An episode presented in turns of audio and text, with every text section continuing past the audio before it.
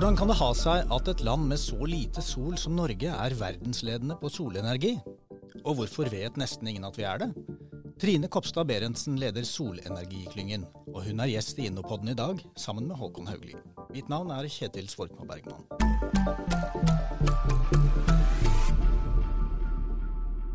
Jeg innledet med å si at Norge er verdensledende på solenergi.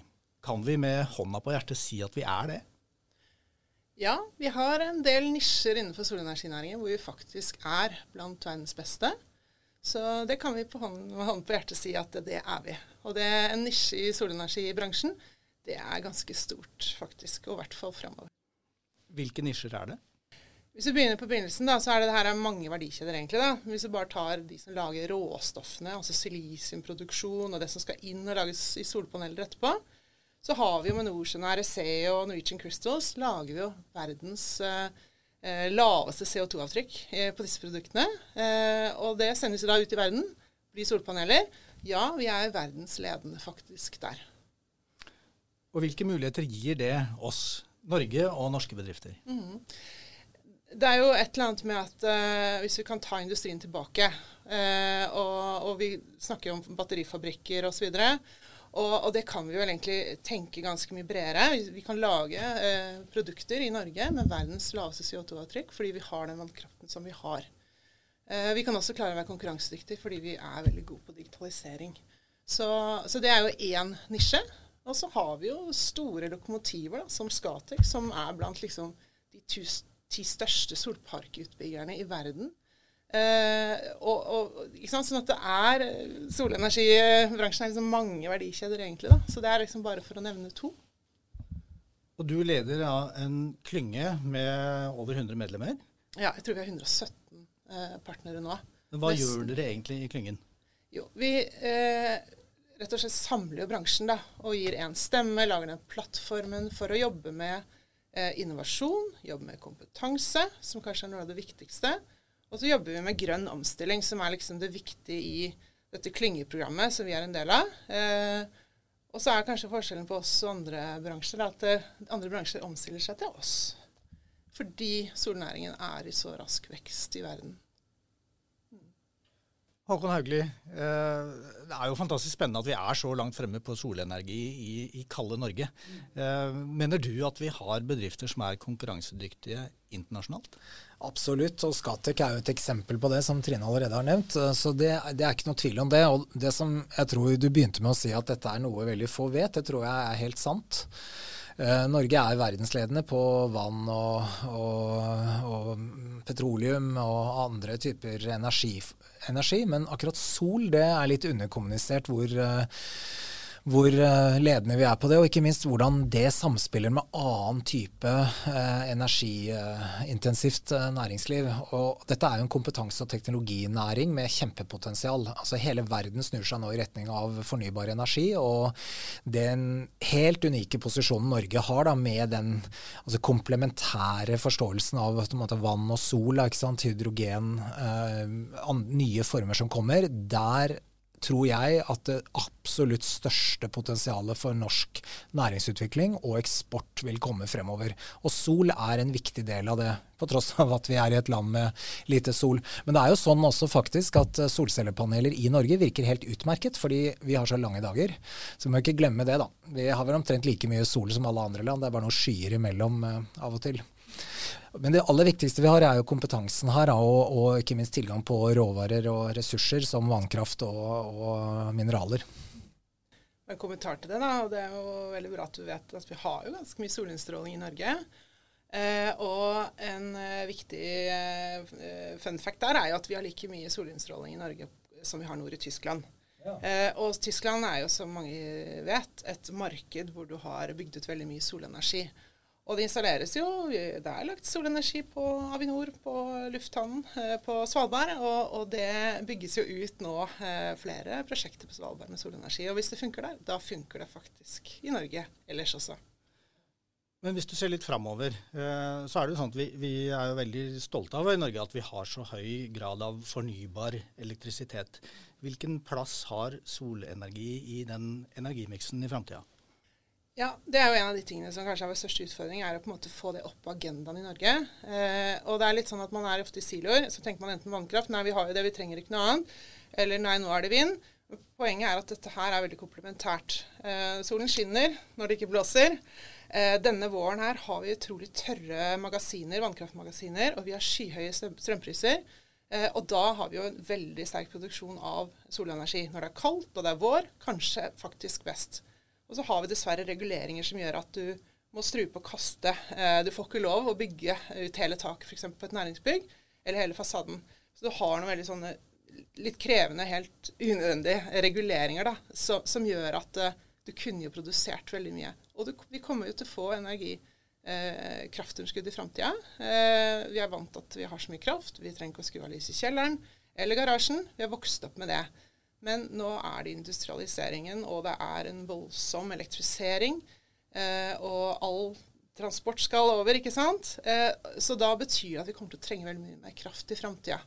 Eh, og da er det jo eh, Da kan man faktisk kle eh, tak, fasader, med solceller. Og du tar ikke en meter natur. En ting er jo Norge. Vi var jo sammen i Jordan for ikke, altså i mars 2020 på delegasjonsbesøk hvor det var Eh, faktisk kongeparet besøkte Jordan, og hadde, da var jo Solklyngen med dit. Og eh, det var en veldig påminnelse da, om det veldig det enorme globale behovet for fornybar energi. Jordan er jo et land som på tross av at de ligger i Midtøsten, importerer alt, all sin olje.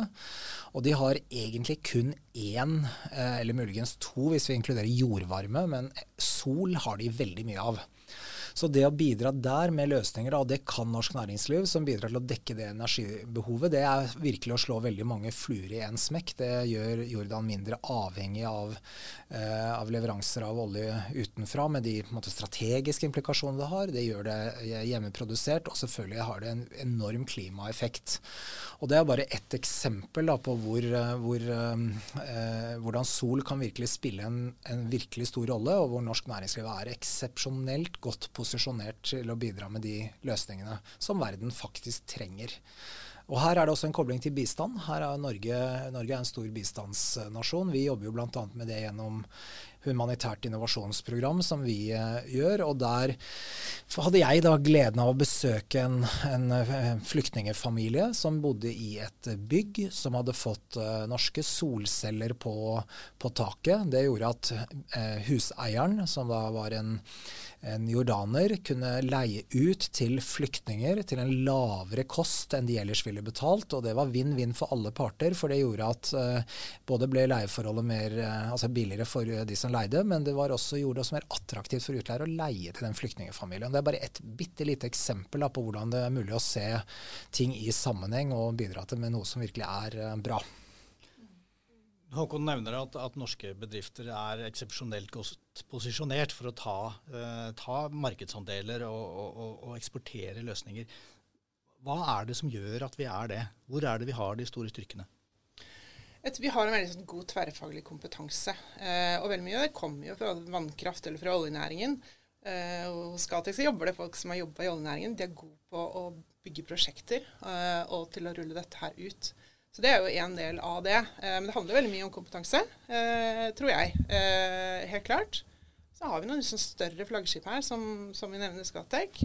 og så er det, tror jeg, tror jeg, veldig viktig at vi backer opp et hjemmemarked, for flere har mulighet til å bli slike lokomotiver.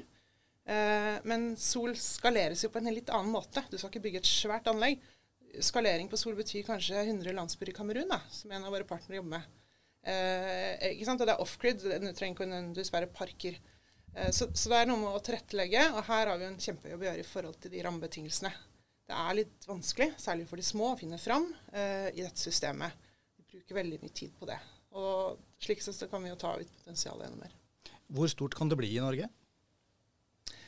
Ja, vi har gjort en uh, rapport uh, i Norge som sier Da har vi lagt litt sånn konservative tall da, uh, fra NVE til grunn, som, som sier at den basic-prognosen de har på kraftutbygging, da, så snakker vi 20 000 arbeidsplasser og 20 milliarder omsetning frem mot 2040.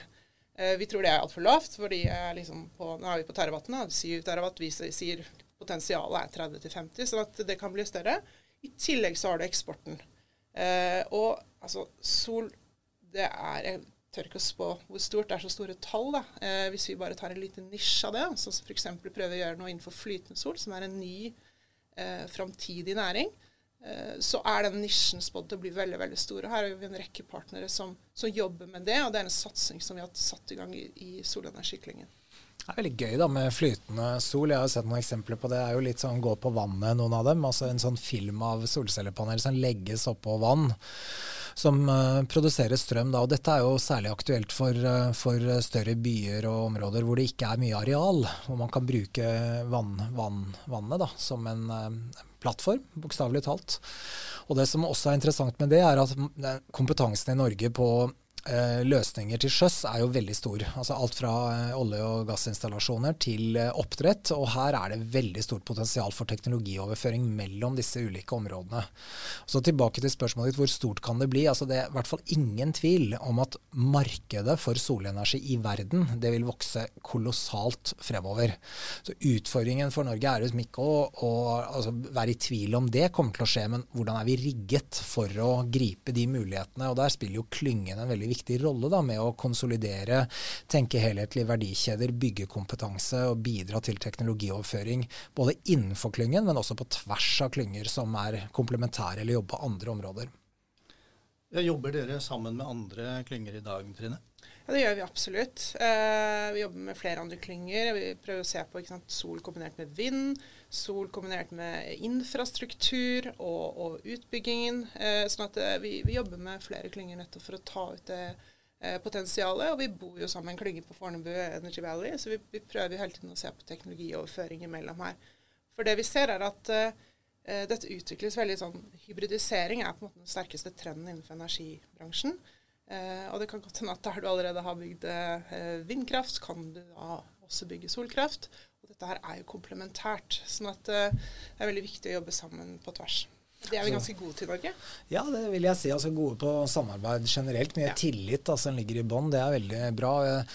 Altså, dette med hybridisering er kanskje litt sånn vanskelig tilgjengelig, da, men for meg da, som ikke er noen energiekspert i det hele tatt, og så bare gi et eksempel på hva det dreier seg om. Altså Vann det kan lagres i magasiner. Det innebærer at man kan ta, ta strømmen ut på de tidspunktene hvor den, den trengs. Sol og vindkraft er avhengig av værforhold i mye større grad og mye mer variabel i tilgangen. Dvs. Si at kombinasjonen av de to, dvs. Si at man eh, bruker den si, variable krafttilgangen når den er til stede, altså sol eller vind. Og så når den ikke er der, så kan man bruke den eh, si, tradisjonelle vannkraften. Og Det er et eksempel på at man kan tenke to ulike eller flere ulike energiformer eh, sammen. Vil gi stabil eh, strømtilgang og stabil fornybar strømtilgang. Det tenker jeg her er det stort potensial. Og igjen da, Norge, da, vi har jo kompetanse på nettopp altså, havvind som kommer nå, vindkraft generelt. Vi har, vi har, eh, har, vannkraften som vi har hatt i 150 år eller mer, og vi har sol, solkompetansen. Så vi er, igjen da, dette er jo et område Norge virkelig kan skille seg ut positivt. Og så er jo eh, Visjonen i klyngen er at dette, vi skal jo være en god testarena i Norge. Vi er ganske gode på det. Og du sier vannkraften. Det er egentlig et veldig godt grønt batteri. Eh, så du har jo da eh, vind og, og, vann. Og vi har så mye vannkraft i vårt nett at det tåler ganske mye mer eh, vind og sol, da, som hopper og danser litt grann, i forhold til når du produserer og i forhold til når du skal bruke det. Så vi tåler utrolig mye eh, av det inn i nettet vårt, selv om mange er litt redd for det det er rett og slett mangel på kompetanse. Jeg syns den andre sånn, eh, trenden du tar opp, det der med off-grid, eller, um, eller, det å ha altså Man snakker om prosumers, altså personer som produserer strøm til eget forbruk uh, på taket av eget hjem, og kan, kan lagre det i et bilbatteri og ta det i bruk osv. Dette er også en sånn global trend da, hvor Norge med vår digitale kompetanse også ligger langt fremme. Dette er jo en veldig viktig del av by, smart bytankegang og smarte samfunn. Hvordan kan vi bygge opp den type infrastruktur infrastruktur som gir muligheter for den lokale produksjonen av strøm, men også levere noe inn i nettet når det er overskudd, hente ut når det ikke er det. Og, og her stort potensial for for å, få til mer her. Og jeg tenker her også, En ting er Norge, men her har Norden også mulighet til å gå veldig foran på å synliggjøre denne altså, sammenhengen, da, særlig internasjonalt. Nordisk livsstil er i utgangspunktet veldig attraktivt, men vi ligger liksom veldig foran på bærekraftsforståelsen og, og, og dette, ideen om det gode liv, som kan leves da med den type løsninger. Innovasjon Norge er jo tungt inne i klyngeprogrammet sammen med Forskningsrådet og Siva.